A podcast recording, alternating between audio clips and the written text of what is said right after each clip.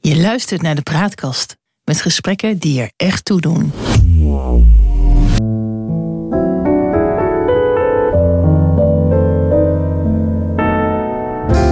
Welkom bij de Praatkast.nl. Dit is een aflevering van het Geheugenpaleis. Mijn naam is Jon Knerim en samen met Han van der Horst maken we deze podcast. De geschiedenis die herhaalt zich nooit, maar rijmen doet hij vaak wel. En dat gegeven gebruiken we in het Geheugenpaleis om dieper in te gaan op de actualiteit. Zo gaan we aan de baan van de dag voorbij en bereiken we de kern van het nieuws. We scheppen orde in de maalstroom van berichten die het zicht op de grote lijn belemmeren. We ontdekken wat werkelijk belangrijk is. En tussen beiden blijkt dat de werkelijkheid vaak genoeg elke fantasie te boven gaat. We gaan het hebben over de asielcrisis. Het loopt een beetje uit de hand, eh, vind je niet, Han? Ja, want uh, asielzoekers uh, vinden geen uh, onderdak bij het centrum waar ze zich moeten melden. Ze slapen vaak -hmm. genoeg voor de deur in smerige tenten.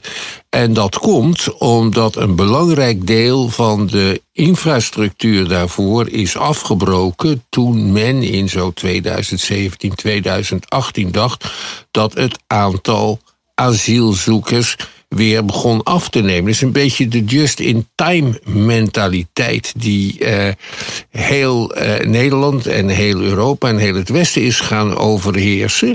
Uh, je hebt zo gering mogelijke voorraad nodig, want voorraden of mensen die voorraden moeten beheren zijn duur. Dus als er minder asielzoekers komt, komen, dan sluit je een aantal centra en je ontslaat de mensen die ervaren zijn in de omgang met asielzoekers. Als dan het aantal asielzoekers weer toeneemt, dan zit je met de handen ja. in het haar. En uh, de mensen die je destijds ontslagen hebt, lachen cynisch, in de, zeker in deze tijd van gebrek aan arbeid, krachten, en die steken één vinger op. Ja, maar goed, ja, weet je, dat die mensen op de, uh, niet binnen kunnen slapen. Het is mooi weer, ze hebben te eten, ze worden niet bedreigd. Dat lossen we uiteindelijk uh, met elkaar wel weer op, denk ik, zo in de loop van de tijd. Maar ik weet niet of jij dat artikel in de NRC hebt gelezen, die een dagje daar heeft meegelopen. Ik werd toen ik eigenlijk heel erg boos. Want uh, in dat verhaal staat een, de geschiedenis van Firat, die uit Turkije gevlucht is. Dat deed mijn wenkbrauwen al fronzen. En hij was gevlucht omdat hij als student in 2016 en 17 demonstreerde voor de Koerden en voor homorechten en had in de gevangenis gezeten. Ja, denk ik, weet je, als we dat soort mensen gaan opnemen, dan is het eind zoek.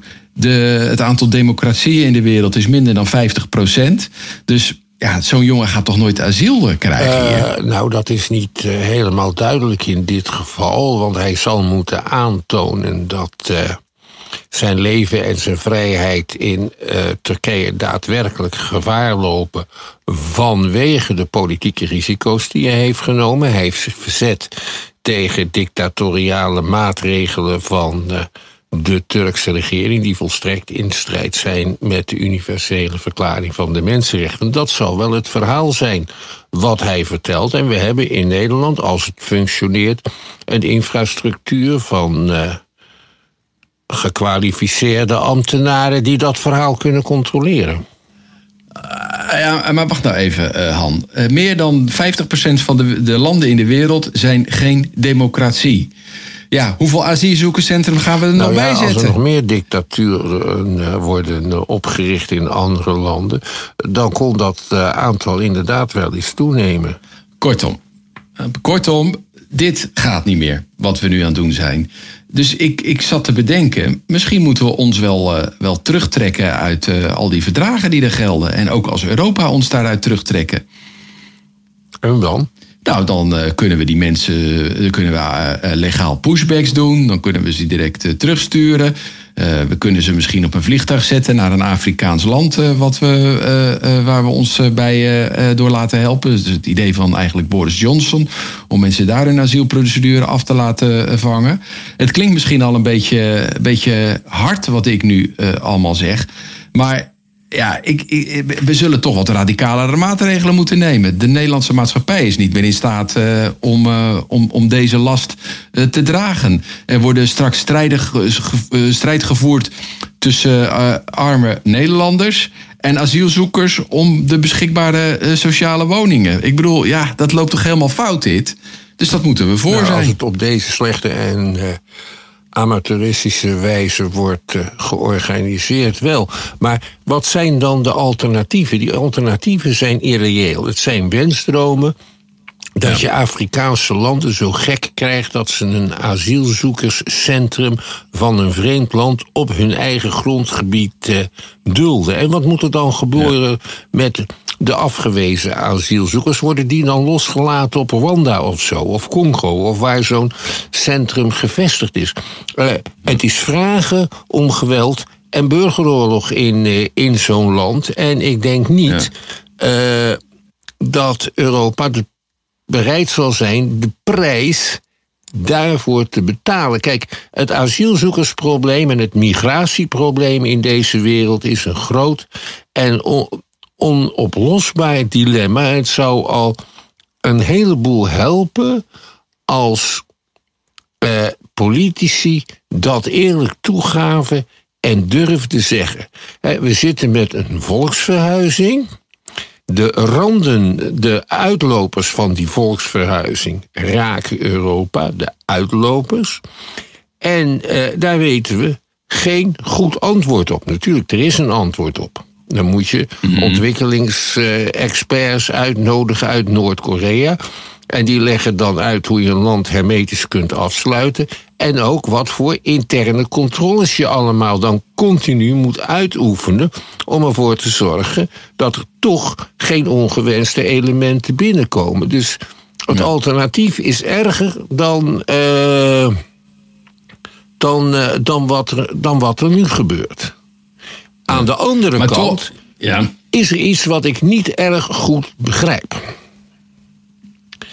En dat is waarom je mensen die de asielprocedure door, doorlopen hebben, waarom die een voorrang zouden moeten krijgen bij een sociale huurwoning.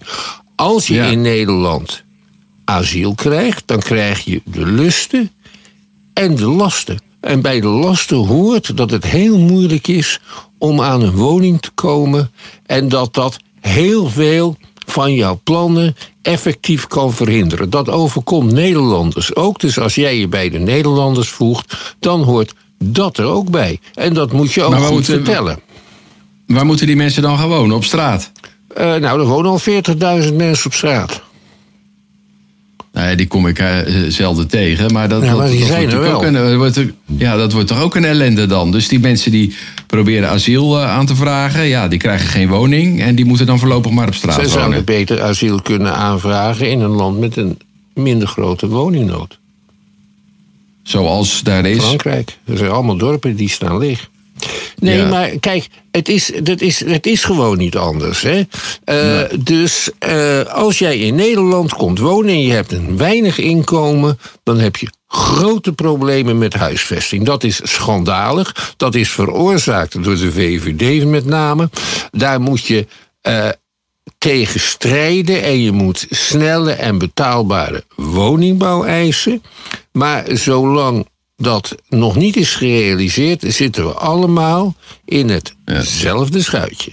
En dat Ja, is wel- bij de opvang van eh, asielzoekers en überhaupt bij hoe je met mensen omgaat in Nederland, ongeacht hun inkomen. Iedereen is gelijk en we zitten allemaal in hetzelfde schuitje. Ja, ik eh, herinner eraan even dat eh, die verhuurdersheffing eh, voor eh, woningcorporaties eh, onder Wouter Bos ook tot stand is gekomen. Dus volgens mij is ook het, eh, de PvdA daar schuldig aan. En ik denk dat ook de andere partijen die in de regering hebben gezeten... om dat nou alleen bij de VVD de- neer te de- leggen, lijkt me niet de helemaal terecht. verhuurdersheffing dat, is, een, dat is een plannetje van die meneer Blok. Later Ja, nog minister van Buitenlandse Ja. Zaken is geworden en niet van Wouter Bos. Dat, kan je, dat moet je hem nageven. Hij had de politiek al lang verlaten voor aanzienlijk graz- grazige weiden toen die maatregel tot stand kwam. Oké. Nou goed, laten we die discussie op een ander moment eh, voeren. Uh, even terug naar die uh, asielcrisis waar we nu uh, mee zitten.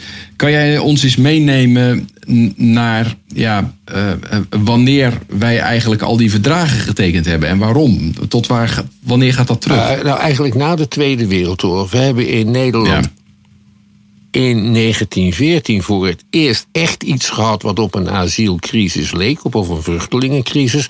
We kregen namelijk binnen een week of wat een miljoen Belgische vluchtelingen over de voer, die vluchten voor de Duitsers in de Eerste Wereldoorlog. Die zijn toen allemaal ondergebracht. Wel op, in de stijl en op de manier van 1914. Na een paar maanden voor het grootste gedeelte weer teruggekeerd. En dat kreeg Nederland voor elkaar. Met een grote nationale inspanning.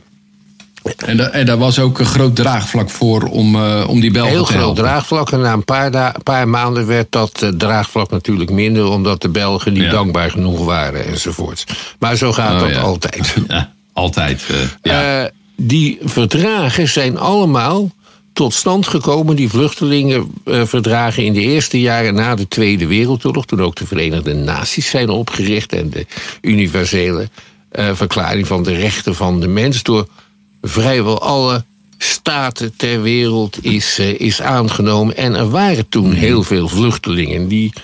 Dat was het gevolg van eh, de Tweede Wereldoorlog. Daardoor zijn miljoenen mensen op drift geraakt. Waarvan Ja. eh, een groot deel Duitsers waren die van huis en haard werden verdreven. Uit eh Sudeten-Duitsland, uit Polen, uit Roemenië, Hongarije enzovoorts. Omdat zij zelf aan etnische zuiveringen hadden gedaan. Althans, omdat de Weermacht en Hitler dat had gedaan. En nu kregen ze een koekje van, eh, van eigen deeg. Miljoenen mensen. En toen al, toen al is er een term verzonnen. eh, als alternatief voor vluchtelingen, omdat vluchtelingen misschien te veel rechten zouden krijgen anders. En die term was displaced persons. Dus Ja, Ontheemde zou je kunnen ontheemden. zeggen. En die ontheemden Ja. kwamen in grote kampen terecht in het Westen. Daar werden ze opgevangen, vluchtelingen voor het communisme bijvoorbeeld. En daar moesten ze vaak jaren verblijven voordat ze toestemming kregen om zich eh, gewoon in de maatschappij te vestigen. En uit die tijd komt dat vluchtelingenverdrag. En in die tijd was het Westen heel erg voor open grenzen enzovoorts. in het kader van de Koude Oorlog tegen de Sovjet-Unie, die juist een ijzeren gordijn had opgericht. En toen dat ijzeren Ja. gordijn wegviel en de consequenties duidelijk werden. toen zijn de westerse mogendheden van houding veranderd. Want voor die. eh, voor die eh, oorlog in Oekraïne bijvoorbeeld, was het voor Oekraïners best heel moeilijk om West-Europa in te komen. En was het voor jou als bruidegom met een Oekraïense bruid ook heel erg moeilijk om toestemming en een verblijfsvergunning voor die bruid in Nederland te krijgen. Dat is van de ene dag op de andere heel snel omgedraaid. Ja. Ja, goed, met die oorlog in Oekraïne is dat misschien wel eh, eh, eh, begrijpelijk. Ik herinner me dat er in de tachtige jaren, eind 70 tachtige jaren, dat er dan eh, op het ANP-nieuws, wat voorgelezen werd eh, op het hele uur door René Pereira of door Donata Marcas, eh, gezegd werd: ja, in Venlo hebben zich drie asielzoekers gemeld. Ik weet niet of jij dat nog herinnert, maar dat was toen een hele uitzonderlijke situatie. Ja, en maar dat veranderde snel, met name door de burgeroorlog in Joegoslavië. Want toen heb je ook nog wel eens een tijd gehad dat asielzoekers en vluchtelingen in Nederland in tentenkampen moesten slapen. En die vluchtten dan Ja. uit Bosnië en eh, vergelijkbare contraien. We hebben ook wel eens een keer een toevloed gehad van Tamils. En dat waren slachtoffers, Tamils, ja. van de, burger, van de toenmalige burgeroorlog op, eh, op Sri Lanka. Ja. En ik herinner me ook nog in de, in de tachtige jaren de Vietnamese bootvluchtelingen. Ja. Eh, die gevlucht waren voor het eh, Russische regime in, in eh, Vietnam en ook in Cambodja en dat soort Ja. zaken. Daar was toen ook nog wel heftige discussie of over in Nederland moest volgens mij. toelaten in Nederland. En er zijn Ja. er uiteindelijk niet zo verschrikkelijk veel gekomen. Die hebben hier die Vietnamese lumpia ingevoerd.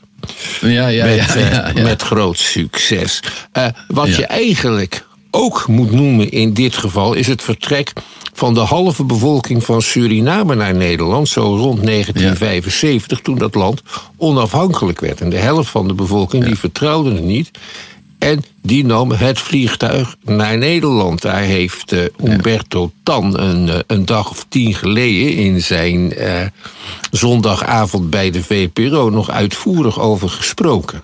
En over de Ja. rol van. Ik weet, ook, ik weet ook wel dat Joop den Uyl toen vond eh, dat, dat eh, Suriname onafhankelijk moest worden. Maar dat die mensen ook het recht hadden om eh, naar Nederland te komen. Daar was toen ook best veel over te doen in de dat Nederlandse waren de maatschappij. rijksgenoten. En alle, Ja. alles, alle kwaad wat nu over vooral Marokkanen wordt gesproken... dat werd Ja. toen gesproken over de rijksgenoten. Dat waren messentrekkers, dat waren profiteurs. Die kwamen hier alleen maar om aan het infuus van de uitkering te liggen. Die, gingen, die, gingen, die kregen voorrang eh, boven onze kinderen met de huizen. Zij zaten aan onze dochters. Het hele totale verhaal. En dat is nu voor een belangrijk gedeelte is dat weg.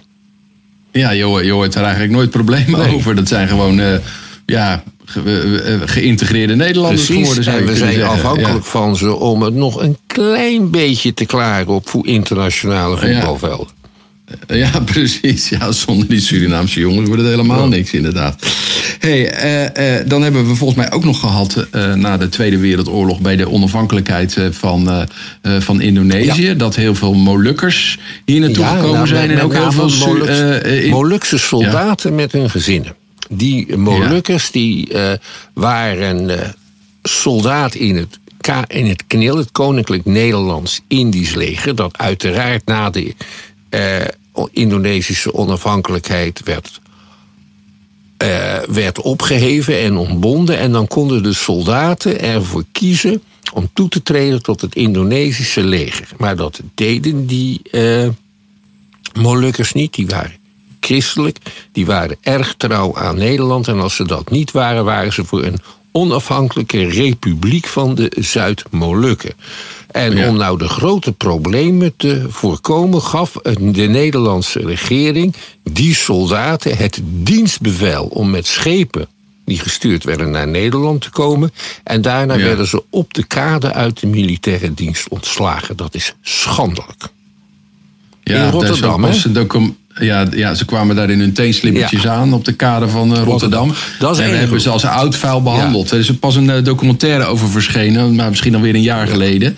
En eigenlijk is eh, voor die hele zaak eh, pas eh, de laatste tijd aandacht Ja. in de Nederlandse maatschappij Ja. gekomen. Dat hebben we niet zo netjes. We hebben die mensen ook opgeborgen in voormalige concentratiekampen, in verschrikkelijke huizen. En die mensen hielden ondertussen gewoon nog een koffer bij de hand, omdat ze elk moment weer terug konden gaan. ze, Ja, dat, daar is het ze natuurlijk. accepteerden dat ontslag ook niet, hè? Dus op een gegeven moment heeft, probeerde de Nederlandse regering ze naar normale huizen te krijgen in de jaren 60. Toen eh, Ja. men zich het kon veroorloven zulke huizen te betalen. Er zijn heel veel Molukkers Ja. die dat heel consequent geweigerd hebben, omdat ze hier maar tijdelijk waren. Een andere groep uit Indonesië, dat zijn de, nou voornamelijk Indo's, mensen van gemengd Aziatisch blanke bloeden die zich Ja. in Indonesië niet meer welkom voelden of die zich te veel met de Nederlanders hadden geassocieerd en die zijn al vanaf 1946 naar Nederland gekomen omdat het in Indonesië niet uit te houden was. Dan was Ja. het ook op den duur niet. Ja.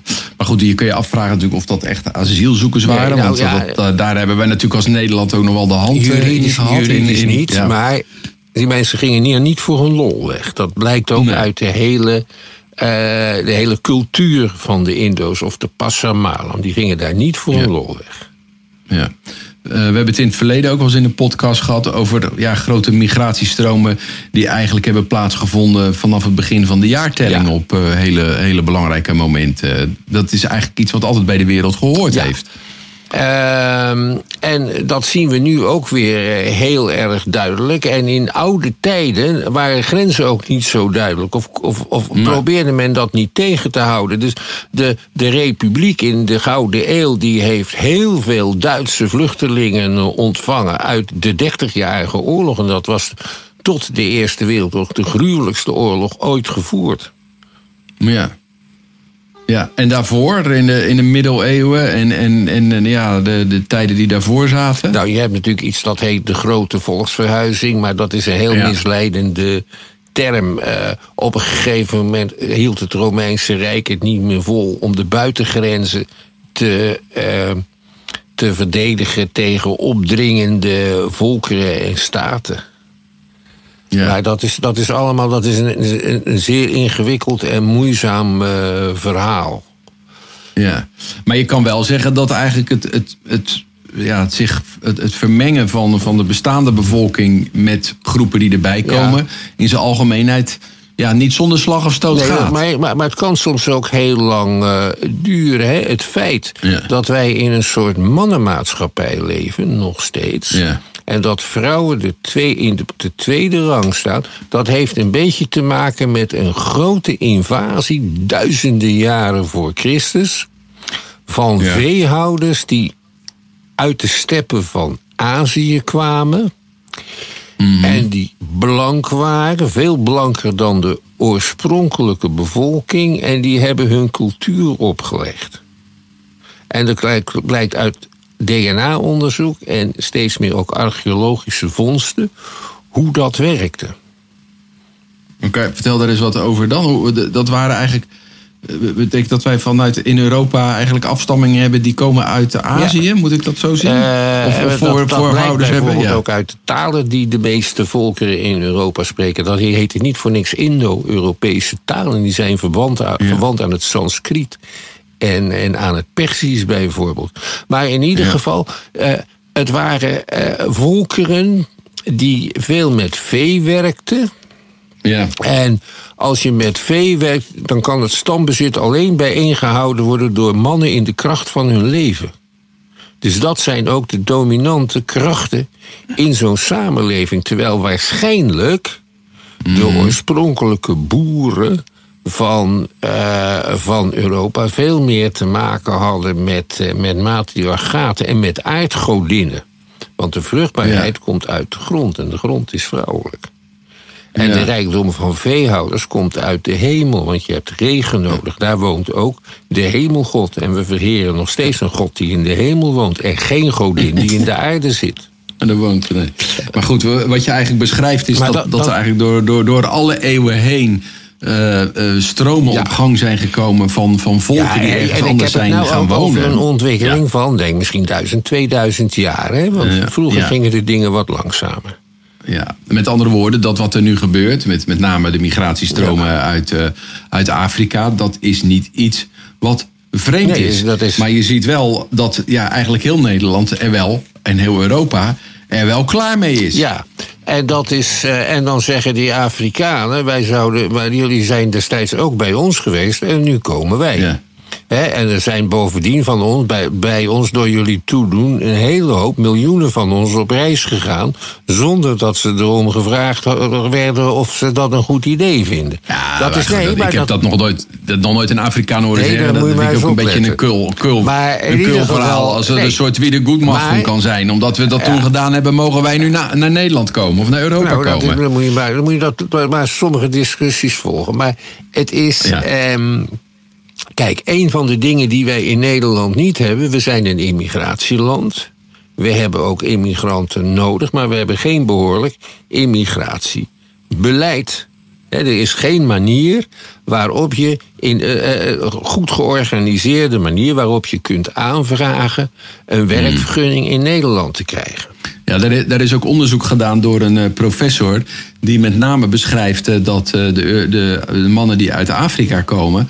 Over het algemeen eh, niet slagen in de Nederlandse maatschappij. als het gaat over het bijdragen als arbeidskracht.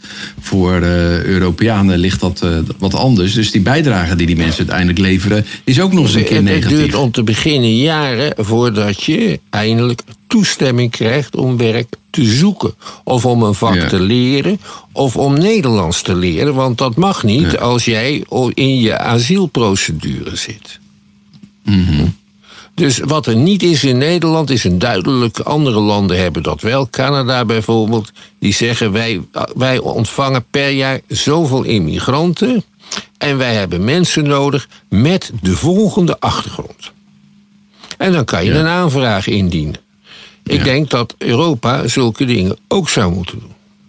Ik denk ook dat in Europa er een systeem zou moeten komen waarbij je als asielzoeker, dus niet als immigrant, maar als asielzoeker, uh, een land toegewezen krijgt waar je je mag vestigen als je dat asiel gekregen hebt. En elk land krijgt een quotum. Dus als jij naar Nederland wil, wat een populair land is, of naar Duitsland, dan heb je kans dat je jaren op de wachtlijst staat en in het kamp moet wachten. Net als de displaced persons in de jaren 50. Maar Slowakije kom je makkelijk in of Roemenië. Leven is kiezen. Ja, en, en wat je eigenlijk zegt, van daarmee maken we het een beetje moeilijker uh, om, uh, om hier naartoe nee, te gaan. we maken het, we organiseren het. en iedereen die zegt, we kunnen, we kunnen niet iedereen opvangen, die heeft gelijk. Maar als je het daarbij laat, is het ook een dooddoener. Ja. Ja, want dat is natuurlijk wat je ziet uh, bij met name de partijen ter rechterzijde. Die zeggen, ja, we doen de grenzen ja, dicht. Dat kan of, helemaal niet. We, we, we, we, zeggen verdragen op of, of wat dan ook. Maar dat is natuurlijk een beetje een illusie om te denken dat daarmee dan de stroom, is, alsof je daadwerkelijk aan een kraan kan draaien waar geen druppel meer uitkomt. Het is misschien niet eens zo verstandig, hè? Dus als we nu eens kijken hoe de situatie is. We hebben nog nooit zo dicht bij een oorlog gezeten. Mm. Ja? Er is een meneer in het oosten die ons heel erg in de kou kan zetten. Ja. En nog wel meer dingen kan doen. Waardoor wij eh, Nederlanders misschien denken dat het voor ons overleven verstandig is als we het land verlaten en elders asiel zoeken. Ja, ja? dat zou heel goed dus kunnen. daar ja. moet je erg mee oppassen. Ja, je ziet nu overigens ook dat Nederland in allerlei onderhandelingen met de EU over uitzonderingsposities meteen wordt weggelachen. Want we hebben 20, 30 jaar lang met het vingertje gezwaaid. Dijsselbloem heeft met het vingertje gezwaaid over geld. En andere ministers hebben met het vingertje gezwaaid over het milieu. Dus we worden, nu wordt het Nederlandse regering in zijn gezicht uitgelachen als ze over stikstof komt praten. Dus je moet oppassen ja. met wat je doet, want je krijgt het terug. Ja, wat je zegt is van uh, je kan nooit uitsluiten dat je zelf ja. ook een asielzoeker en, en wordt. Die, die, die kans is groter dan ooit. Vergis je daar niet in. Ja, ja. Met andere woorden, de grenzen moeten maar gewoon open blijven. Nee, je moet, en, ja, de je mensen moet, die, je ja. moet oplossingen zoeken. Hè? Er moet een Ja. immigratiebeleid komen in Nederland... waarbij je onder bepaalde voorwaarden hier mag komen... met je gezin. Ja? En als jij, dus ik bijvoorbeeld, ik ben historicus, hè, dat weet je. Nou, dus als ik, stel ik ben een historicus in Afrika en ik, ik wil graag naar Nederland komen, dan krijg ik geen toestemming, want er is in Nederland geen gebrek aan historici, wel aan loodgieters. Ja. Dus een loodgieter kan wel hier komen, maar een historicus In de niet. praktijk is dat ook vaak zo. Ik ging vroeger Ja. wel eens voor mijn werk om voorlichting te geven over diploma's naar de emigratiebeurs. Die werd in Nieuwegein dan gehouden. En daar Ja, waren ja, ja. allemaal Zweedse gemeentes en Canadese deelstaten. En die zochten echt bewust immigranten. En dan wat Ja. zoekt u dan nou? Mensen die verstand hebben van computers of inderdaad loodgieters. Ja. Echt goede vaklui. Die kunnen overal in de wereld terecht. Ja. Maar, maar eh, eh, en, en als je dan. eh, als je dan business studies hebt gedaan. Nou, moest iedereen vreselijk lachen. Ja, ja, precies. Precies. Nou ja, goed. eh, een, een onoplosbaar probleem. Dat denk ik, eh, het zou van durf eh, getuigen als een paar politici gewoon eh, dat is eh, uitspreken. Jongens, we kunnen dit probleem niet oplossen. We doen wat we kunnen. Maar we moeten ons voorbereiden op eh, ja, nog eh, veel meer ellende op, eh, op dat vlak. Ja. En we moeten dit Europees met z'n allen aanpakken. Ja. Ja, dat, daar hebben we het natuurlijk helemaal nog niet over gehad. Dat wat dat betreft eh, de landen aan de zuidgrenzen de grootste Ja. klappen opvangen. Italië en En dat Griekenland. tot nog toe heel Noord- netjes doen, hè? Ja, en de Noord- Noord-Europese Eu- Europese landen zoals Nederland eh, en ook, ook andere, die laten die Italianen ook een beetje ons probleem Ja. daar oplossen, volgens Ja. mij. Ja, dat, dat klinkt ook niet heel solidair. Nou ja, we, we zullen de komende weken en maanden eh, wel gaan horen eh, wat daar gaat eh, gebeuren. Eh, maar dat het nog niet klaar is, dat lijkt me ook helder. Voor nu moeten we het hierbij laten. Deze aflevering van het Geheugenpaleis. We maken dit in samenwerking met de Praatkast. En de uitzendingen zijn te vinden op www.praatkast.nl. Je kunt je ook abonneren op onze podcast in je favoriete podcast-app. Dan krijg je automatisch een bericht wanneer een nieuwe aflevering online komt. En vertel je vrienden ook over ons, want dan worden we nog beter beluisterd. Wil je ons mailen, stuur een bericht naar info.praatkast.nl. En op de praatkast.nl zijn nog veel meer podcasts te vinden van de Praatkast. Erfelijkheidsleer voor ongelovigen, dat is er zo een. Het is een productie van de Praatkast met professor Bas Zwaan van de Wageningen Universiteit. En daarin wordt onder andere ingegaan op het menselijk genoom en het schaap Dolly bijvoorbeeld. Ken je die nog? Maar we gaan, uh, ze gaan ook op zoek naar uh, de genen die verantwoordelijk zijn voor ziektes. Erfelijkheidsleer voor ongelovigen. Nu te beluisteren op Nu is Later. Voor nu bedankt voor het luisteren en tot de volgende keer. Ja, wees gelukkig, blijf gezond.